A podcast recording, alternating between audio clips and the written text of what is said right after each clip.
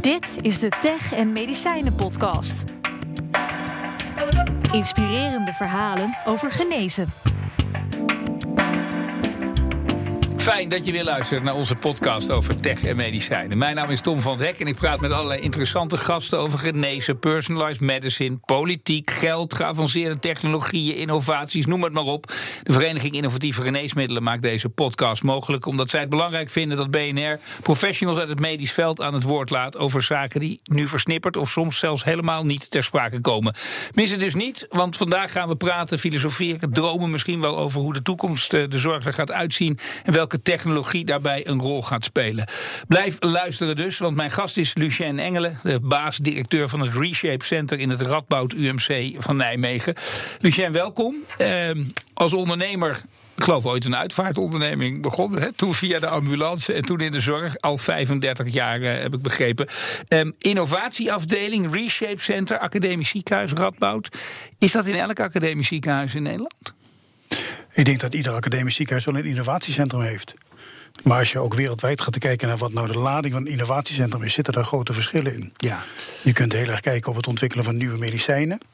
Je kunt heel erg kijken naar het proces voor de professional. Of je kunt kijken naar het proces rondom wat de patiënt of de bezoeker met zich meekrijgt. En wij hebben in 2010 dit kleine centrum op mogen richten om op het kruispunt zeg maar, van technologie aan één kant. En aan de andere kant wat we dan netjes patient empowerment noemen. Ja. Te kijken hoe kun je nou nieuwe ontwikkelingen, nieuwe technologie, andere spelers daarbij betrekken om de uitdagingen die we natuurlijk toch best hebben met z'n allen wel het hoofd te kunnen bieden. Als je zegt ook andere spelers, denk ik ook meteen aan natuurlijk megabedrijven die allemaal roepen iets met zorg te gaan doen. Amazon, Google. En als we dichter bij huis houden, KPN heeft ook een zorgtak uh, opgericht, het telecombedrijf.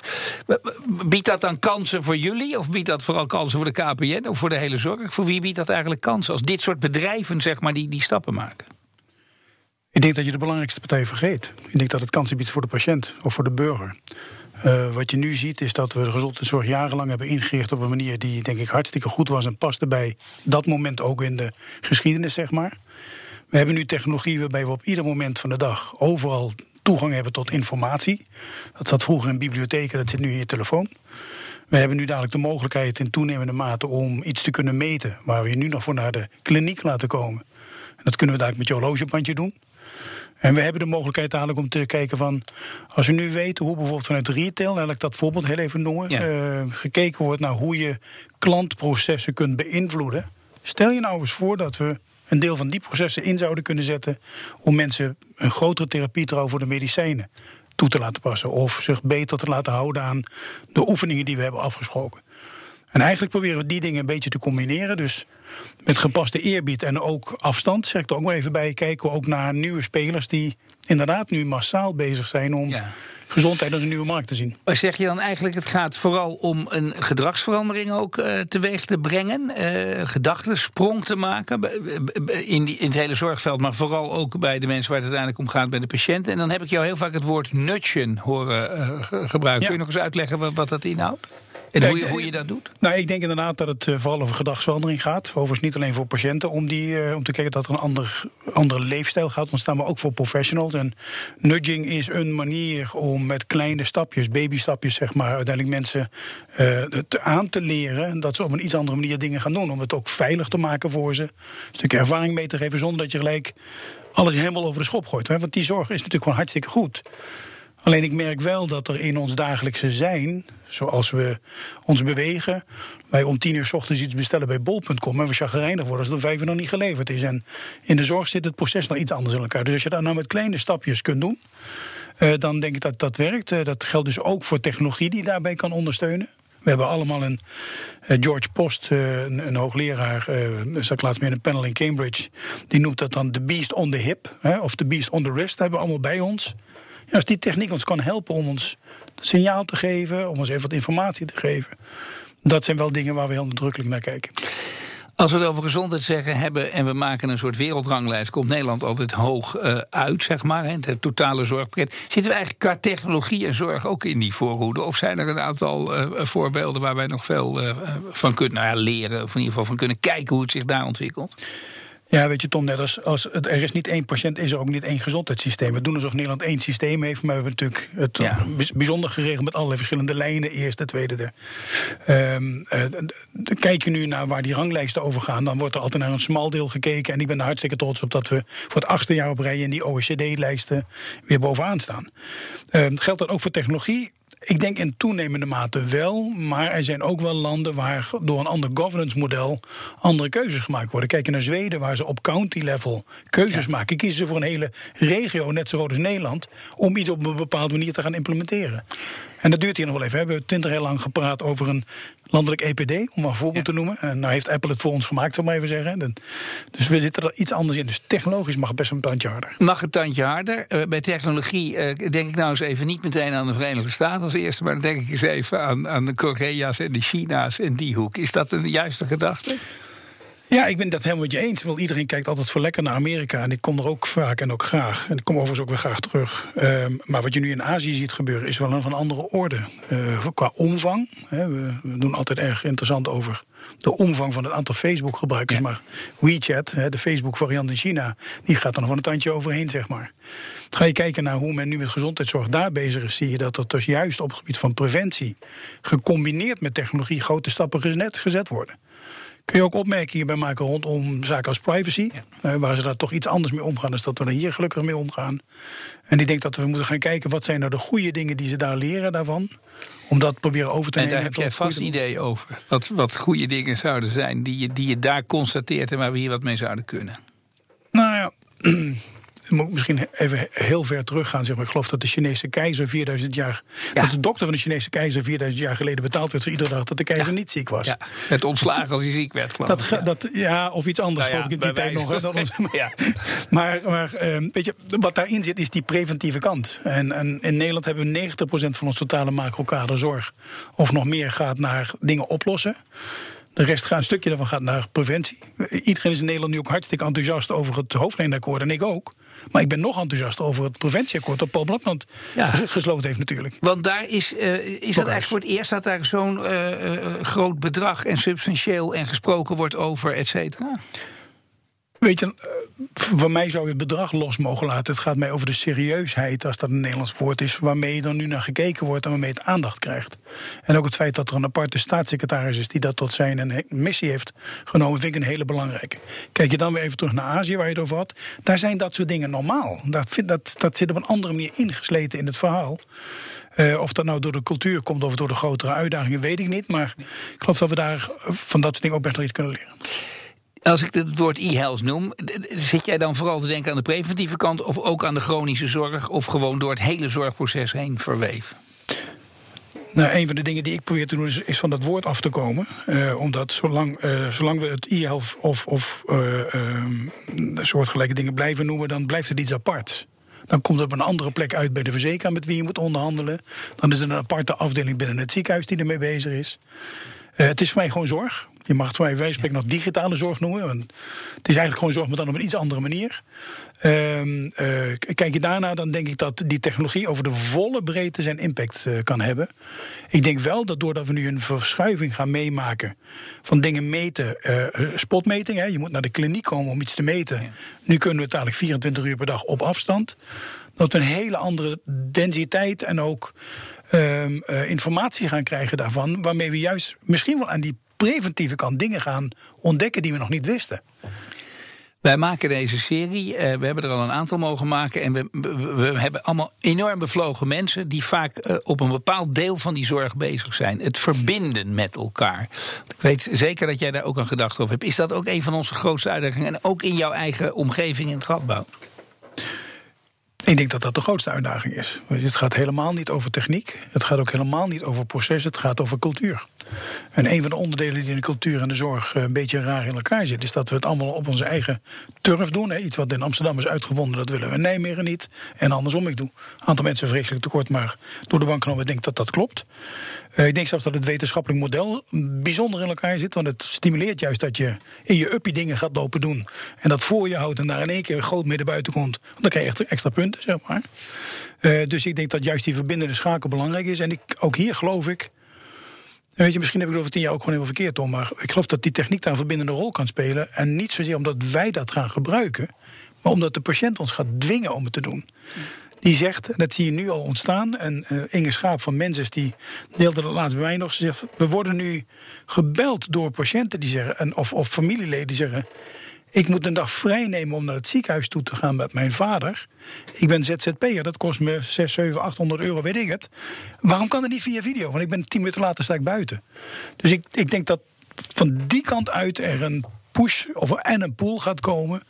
Techniek dat mogelijk gaat maken. Nieuwe spelers zeggen: Oh, hier hebben wij verstand van. Ik heb het wel eens een keer over de, dat de user interface voor gezondheidszorg. een soort van social recalibration nodig heeft. Hè, eh, om dat op een andere manier te doen. En merk jij dan even micro gedacht, zeg maar, in jouw eigen omgeving? Want je zegt die druk komt er, die vraag komt er gewoon. En uiteindelijk gaat, gaat het aanbod zich dan ook aanpassen, zeg maar. Maar is het aanbod, is, is het aanbod al zover? Of zijn het nog hele kleine stapjes die het aanbod maakt? Nee, ik denk dat, het, uh, dat we aan het begin staan. Uh, mijn boek wat ik heb geschreven, dat, dat heb ik de ondertitel meegegeven: The End of the Beginning. Uh, verwijzing naar Churchill, uiteraard een hele andere context. Maar ehm, ik denk dat er pockets, kleine plekjes van, van verbetering zichtbaar is. Je ziet verschillende mensen met mooie dingen bezig zijn. En dat moet, hè, dan komt het vreselijke woord weer opschalen of, of inschalen, zoals Erik Gerrits van het VWS, VWS dat noemt. Ja, weet je, dan moet ook heel eerlijk zijn, dat is gewoon nog niet zo ver. Alleen je ziet nu dat de techniek volwassen wordt, wetenschappelijk bewijs begint er te komen. We hebben natuurlijk toch twee, drie jaar nodig om dit soort bewijsvoering voor elkaar te krijgen. Alleen puur wetenschappelijk al om het te kunnen onderbouwen. En dat zie je nu voorzichtig aan ontstaan. Ehm, we weten ook uit allerlei andere sectoren, en overigens ook in de zorg, als er eenmaal is, dan gaat het hard. Kijk naar wat de NZA nu gedaan heeft met het verruiming van de regels rondom betaaltitels rondom digitale gezondheidszorg. Kijk naar ook hoe VWS in de wedstrijd zit. Die zegt van jongens, we vinden dit een belangrijke ontwikkeling die we willen stimuleren en volgen. Er moet bewijsvoering komen, we moeten zorgen dat we het op goede en nette manier doen. Privacy en dergelijke moet goed geregeld zijn. Maar het is wel een van de oplossingsrichtingen die we in ieder geval in moeten slaan. Ja, je ziet uiteindelijk wel dat dat, eh, ik zou bijna zeggen, als het eenmaal over de drempel heen is, dan gaat het ook wel snel, geloof ik. Um, ik wil zo ook even naar je boek toe en de partijen met wie jij ook uh, nadenkt over dingen. Ik wil nog één vraag stellen, want er zijn ook wel mensen, we hebben ook Niels Chavannes gehad, de huisartshoogleraar, die hartstikke enthousiast maar zegt, er zit ook wel een, een, dingetje in de weg. Dat zijn, er zijn zo ontzettend veel gadgets en rommeltjes op de markt, die eigenlijk enorm vervuilend zijn, dat dat het totale woord ook een beetje tekort doet en ook veel mensen een beetje in de defensie doet. Ik herken dat en ik denk dat Niels daar zeker gelijk in heeft. Aan de andere kant, dat benoemen, uh, precies datgene natuurlijk. Hè. Dat is de andere kant van het verhaal. Uh, wat je nu ziet, is dat iedereen het heeft over 400.000 apps in, uh, rondom gezondheid en gezondheidszorg. Beetje veel, toch? Een beetje veel. Uh, wat je nu ziet is dat de partij als Apple zelf een internal review board, zoals ze dat noemen, hebben opgericht. En nou duizenden apps per dag gewoon eruit gooien. Dus jongens, dat is. Dus waarom ik dit zeg, ik geloof dat zich dat zelf ja. regelt. En uh, natuurlijk moeten we dat blijven adresseren. Natuurlijk moeten we onderzoek doen daarnaar. Maar we moeten ook snappen dat dit een, een, een, een noodzakelijk kwaad is om dit uiteindelijk gewoon voor elkaar te krijgen. Ja, het is gewoon even een remmetje wat erbij hoort. En, uh... ik, ik, heb het met onze kinderen gezien. We maakten ons bij spreken zorgen dat ze de hele dag op die telefoon zaten. En dan kom je ze een keer in de kroeg tegen. En dan zitten ze met z'n achter aan een, aan, een bar, aan een tafel. En ze hebben allemaal de telefoons in het midden van de tafel met een karaf water opgezet. Dus we komen er niet meer aan. Zelfs bij de familie Engelen nog. Zelfs. Dus, nou, dat zo is. Wij houden er alle op. Um, je werkt samen, ga naar een paar dingen toe. Uh, woorden, Deloitte, uh, Singularity University. Noem eens even, wat, wat zijn dat voor partijen en wa waarom doe je daar dingen mee? Ja, ik draag tegenwoordig drie hoeden, om zo uit te drukken. Enerzijds uh, uh, natuurlijk binnen het Radboud, ja. waar we net uitvoering over hebben gehad. Daarnaast sinds kort inderdaad ook verbonden als fellow van het Center for the Edge bij Deloitte.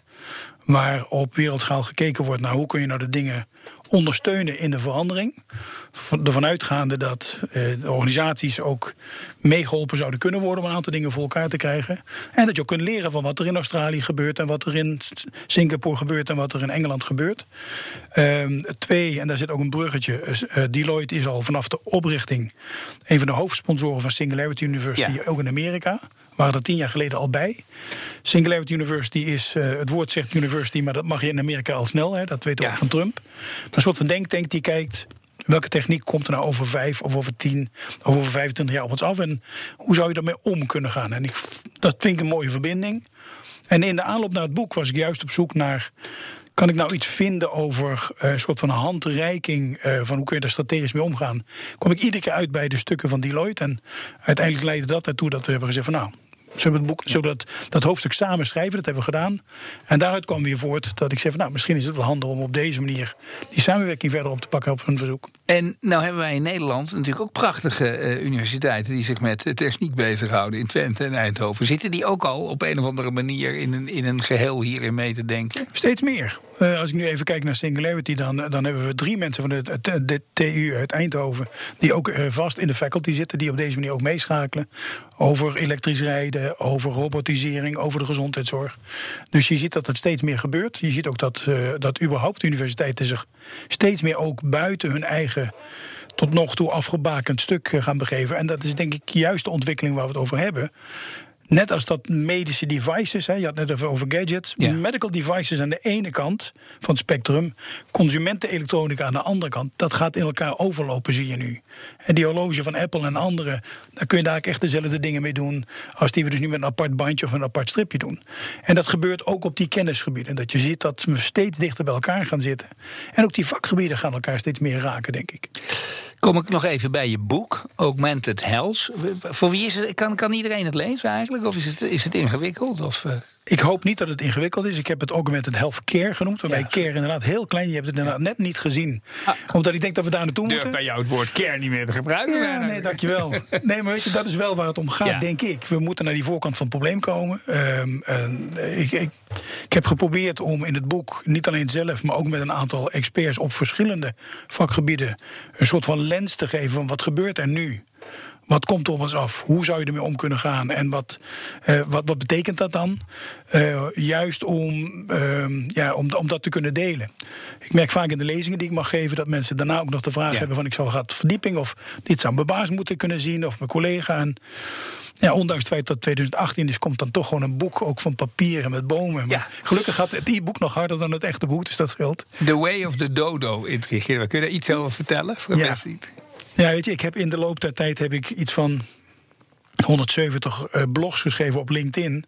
En een daarvan, die heb ik inderdaad gezegd, gaat, gaat gezondheidszorg dezelfde weg als de dodo uh, voorbij. Waarbij uiteindelijk gewoon het een uitstervend ras wordt, zeg maar, op de bestaande manier. En dat is ook een beetje de knipoog naar ook die titel. En zeggen, weet je, het zal over 10 of 15 jaar waarschijnlijk onder druk van de technologie echt anders gaan worden. We gaan de zorg op een andere plek leveren. Dat noem ik delokalisering. De zorg gaat gedemocratiseerd worden op basis van het feit dat patiënten en burgers zelf meer informatie hebben dan wij. Dus wij gaan abonnement nemen op hun gegevens. Dat is echt iets anders dan dat we ze nu toegang geven in de portals. Het wordt digitaal.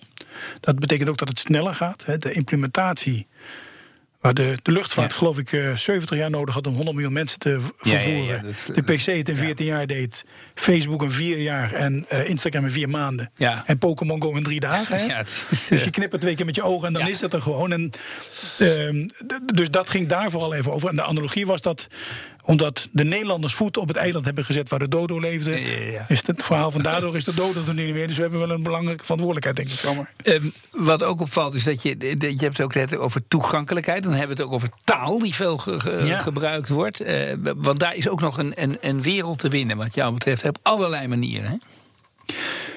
Um, eh, hoe bedoel je dit? De, de, de, de, toegankelijkheid, de begrijpelijkheid maken voor mensen over het proces oh, waar het over gaat. De dingen, sowieso dingen vanuit de zorg zelf, maar ook dit ja. hele proces. Nou ja, ik denk dat taal inderdaad op een aantal uh, op drie lagen zit. Eén gaat even over versta je, verstaat degene voor wie het uh, ja. bedoelt wat je zegt. Dan hebben we het ook over, over, over jargon. Dan hebben we het over de juiste context. Ik denk dat het belangrijk is. Ander stuk van taal vind ik ook de vaardigheid als het over digi, digivaardigheden gaat. Ik denk dat dat een hele belangrijke is. Daar moeten we echt flink aan de bak, denk ik. Want we weten ook uit onderzoek dat dat nog te weinig is. Ik denk dat dat een heel mooi voorbeeld is bij Serelo. Waarbij Suzanne Verheijen samen met haar groep een hele module gemaakt heeft rondom digitale vaardigheden. Die als iedere zorgorganisatie open source zo kan gebruiken. En dan komen ook wel verrassende resultaten uit als je het zelf doet. En het derde gaat inderdaad ook over taal, maar dan heb ik het echt over language, zeg maar. Um, we ontwikkelen nu alleen maar dingen voor Nederland. Ja. En in de digitale wereld kun je natuurlijk ook makkelijker ook iets in het Turks en ook iets in het Marokkaans en ook iets in het Spaans maken. Uh, waarmee ook de schaalbaarheid van de oplossingen die gemaakt worden verder gaan dan alleen Nederland en andersom. Uh, als je nu toch gewoon gaat kijken naar wat de impact van die, die, die, die slimme speakers, zeg maar, de Amazon Alexa en de Google Pod, of de Google Home en de Apple Pod en dergelijke, gaat zijn. Ja, is nog steeds geen Nederlandse versie van. Komt binnenkort, als ik Maarten Lens Gerald goed hoor, gaat dat best snel gebeuren. Maar het is er nog niet. Maar als er is, zul je ook zien, hè, kijk in Amerika hoe dat allemaal loopt. Uh, weet je, 30% van mijn boek heb ik in de auto onderweg naar het ziekenhuis en terug gedicteerd in het Engels aan mijn telefoon. En dan moest ik af en toe een beetje dingen corrigeren. Maar nou, 95% klopt er gewoon toch. Zijn de hoopschrijvers jaloers op? Want die, die zeggen als valt zo tegen zo'n boek maken. Um, eigenlijk nog, nog twee vragen. Eén is, uh, de, de, hele uh, gezondheidszorg komt heel lang uit een wereld van evidence-based, langdurige onderzoeken, dingen. En terecht. Uh, en terecht, ja. Dit, dit, dat gaat elkaar niet bijten. Dit zijn, dit zijn processen die elkaar. Want, want, want je krijgt nu op een hele andere manier natuurlijk wel toegankelijkheid eh, data, al dit soort dingen. En ik hoorde vijand al zeggen: ja, maar dat is niet even. Dus hoe, gaan we, hoe ga je die, dat sprongetje maken? Nee, ja, weet je, je kunt dat inderdaad kapot praten als je dat wil. Eh, ik denk niet dat het zich gaat bijten. Ik denk dat we wel een, een aanpassing gaan krijgen in termen van snelheid. We zullen naar een ander soort van onderzoek gaan. Daar waar een RCT klassiek gezien vier jaar liep, bij zo'n spreken of twee jaar liep, met 500 uh, eh, patiënten geïncludeerd, kun je er nu 100.000 includeren in 48 uur tijd. Dat is een andere manier van denken en doen. Dus dat, dat, dat one-off onderzoek gaat belangrijk worden, denk ik. Dat moeten we uit gaan vinden. Daar moeten we ook tijd, energie, geld in stoppen om dat te doen. Omdat we ook zullen zien dat de tijd die een bepaalde technologie onder ons is, die halveert ook. Weet je, ik denk dat wij met z'n allen nog Hives kennen. Weet je nog? Ja, ja, ja. Vijf jaar heeft het geduurd. En, well, uh, Facebook is misschien ook wel eens een zwanenzang bezig... als ik naar een aantal ontwikkelingen om ons heen kijk nu. Um, en dat geldt ook voor dingen in de gezondheidszorg. Het gaat over technologie, het gaat over interventies... het gaat ook over de manier, manier waarop we ook onderzoek doen. Dus ik denk en daar zijn we in ook druk mee bezig om te kijken hoe kunnen we nou zorgen dat we op een andere manier onderzoeksmethodieken verkennen. Waarbij we de basis wel houden die we nodig hebben. Het moet wel echt gewoon 100% goed zijn, dat we zeker weten wat we zien. Het moet ook reproduceerbaar zijn. Dat is ook nog wel een thema natuurlijk, dat toch veel onderzoeken niet herhaald kunnen worden in die context. En misschien dat dat juist in de digitale wereld met meer transparantie op dat vlak wel makkelijker gaat worden. Dus ik ben zeker daar niet tegen, by far niet. Maar ik denk ook dat nou, we nieuwe wegen kunnen onderzoeken om dingen op te gaan pakken. Wij vragen aan uh, iedere podcastdeelnemer of hij een advies of opmerking heeft voor onze minister Bruno Bruins. En dat mag alles zijn, van een compliment tot een enorme vraag. Tot een. Uh... Jee. Ja. Um, je hebt ja. er vast een gedachte over. Nou ja, weet je, ik denk dat um, de verleiding is groot om het over techniek te hebben of over proces. Maar ik vind echt de beweging die de, de, de huidige bewindslieden maken richting preventie is voor mij allesomvattend. Ik denk dat als je gaat kijken hoe je met technologie kunt gaan zorgen dat we de preventieve kant van de gezondheidszorg meer laden dan nu dat we daar ook het businessmodel, wat er nu totaal contraproductief op is, aan aanpassen, dat we grote stappen maken. We hebben nu een zogenaamd fee-for-service model. En ik, ik hou ervan om het Haas-model te propageren, heb ik dat maar genoemd. Health as a service. Dus ook hier health en niet healthcare. Maar uh, hoe gaan we nou regelen dat we mensen langer gezond houden? Dat is een enorme uitdaging. En ik denk ook wel dat we misschien voor het eerst in de historie mm, dichter in de buurt kunnen komen dan, dan ooit. En natuurlijk zijn er een aantal aandoeningen, eh, vreselijk genoeg, die niet oplosbaar zijn.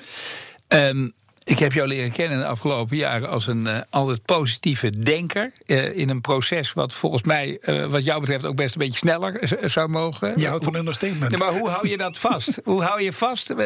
Want jij zit op een bepaalde snelheid, zou je dingen willen. Je zit in een wereld die gewoon een andere snelheid soms nog heeft. Is dat dan lastig om daar elke dag weer met vrolijkheid te gaan vertellen hoe het ook zou kunnen? Daar kan ik gewoon volmondig ja op zeggen. Dat is een lastigheid. Ik heb daar vorig jaar een, even een time-out genomen, een een, een burn-out preventive sabbatical heb ik het maar genoemd.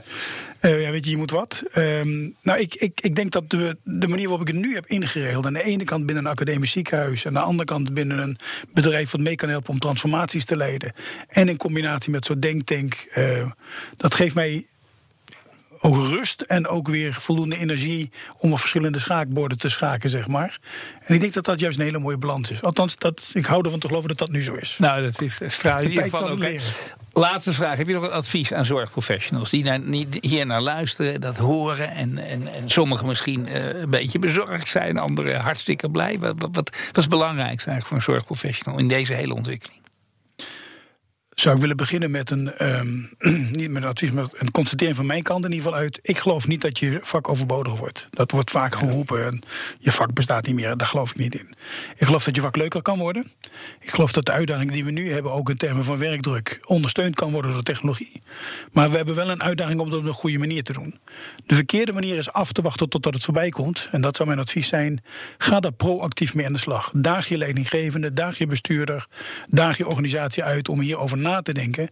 En ook eventuele zorgen die je daarover hebt, want dat merk ik in de praktijk dat mensen daar best zorg over hebben. Bespreek dat ook. Uh, en dat varieert van in een werkoverleg tot eens een keer op de hei gaan zitten of noem maar op. Heb daar oog voor. En, en ga in hemelsnaam dingen proberen. We hoeven geen rare dingen met patiënten doen natuurlijk, voor alle duidelijkheid. Maar weet je, je leert geen fietsen uit een boekje. Dus dan moet je toch op die fiets. En dan zul je als ouder er toch achteraan moeten rennen. En je weet dat na de eerste keer dat je een grote klap wordt, dat ze de volgende dag fietsen. Ik denk dat dat misschien het beste is. Het lijkt mij een prachtig slotadvies. Dus ik wil je danken, Lucien Engelen, directeur van het Reshape Center in het Radboud UMC in Nijmegen. En nog al die andere dingen die je Graag doet. gedaan. En voor de luisteraar, wil je meer horen uit deze serie? Dat je denkt, ja, dat is toch mooi. Ga dan naar de BNR-app en in een paar kliks ben je gratis geabonneerd op deze serie. Dank voor je aandacht deze keer. Tot de vorige of de volgende dus.